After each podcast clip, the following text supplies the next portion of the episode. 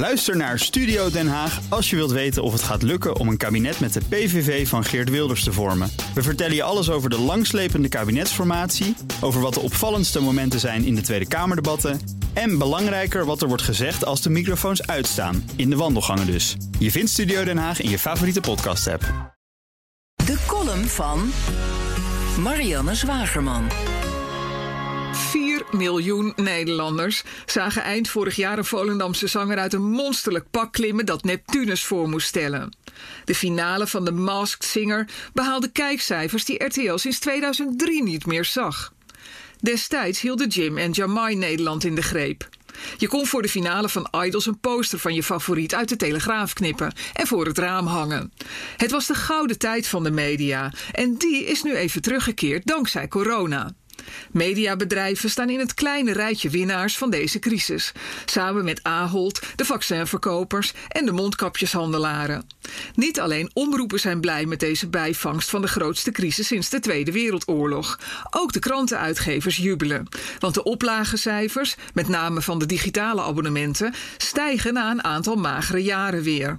Stel je toch eens voor dat alles weer normaal wordt, dat mensen weer naar buiten gaan, weer gaan leven en geen tijd hebben om te kijken of de krant te lezen. De horror! Dus blijven media angst en emotieporno over ons uitstorten. Politici en aandachtverslaafde artsen schuiven graag aan in de carousel van de emo-pornocratie. Kijkers laven zich aan de angst.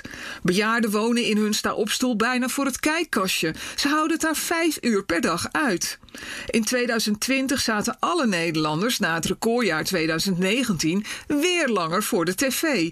Per dag maar liefst 206 minuten. 14 minuten meer dan een jaar eerder. Om met minister Kaag te spreken, wie zijn die mensen? Mensen die 3 uur en 26 minuten naar de tv zitten te staren, verdienen een avondklok. Wat heb je aan een leven als je er toch niets mee doet? De nieuwe definitie van leven is: het zit voor de tv en het haalt adem. Zo gelukkig is de 101-jarige Tini niet. De aan een rolstoel gekluisterde taaie Tini, ze maakte de Spaanse griep nog mee, die gisteren de hoofdrol mocht spelen in de vaccinatiecampagne, is blind. Hugo de Jonge had zijn mooiste bloemschoenen aangetrokken om hoogstpersoonlijk toe te zien hoe de spuit in haar arm ging. De levensreddende prik zal het leven van Tini niet ingrijpend veranderen, vertelde ze. Lekker in mijn luie stoel zitten met een luisterboek en een borreltje. Heerlijk! Zo willen we allemaal wel 102 worden. Kom maar op met die avondklok. Wij gaan nergens heen.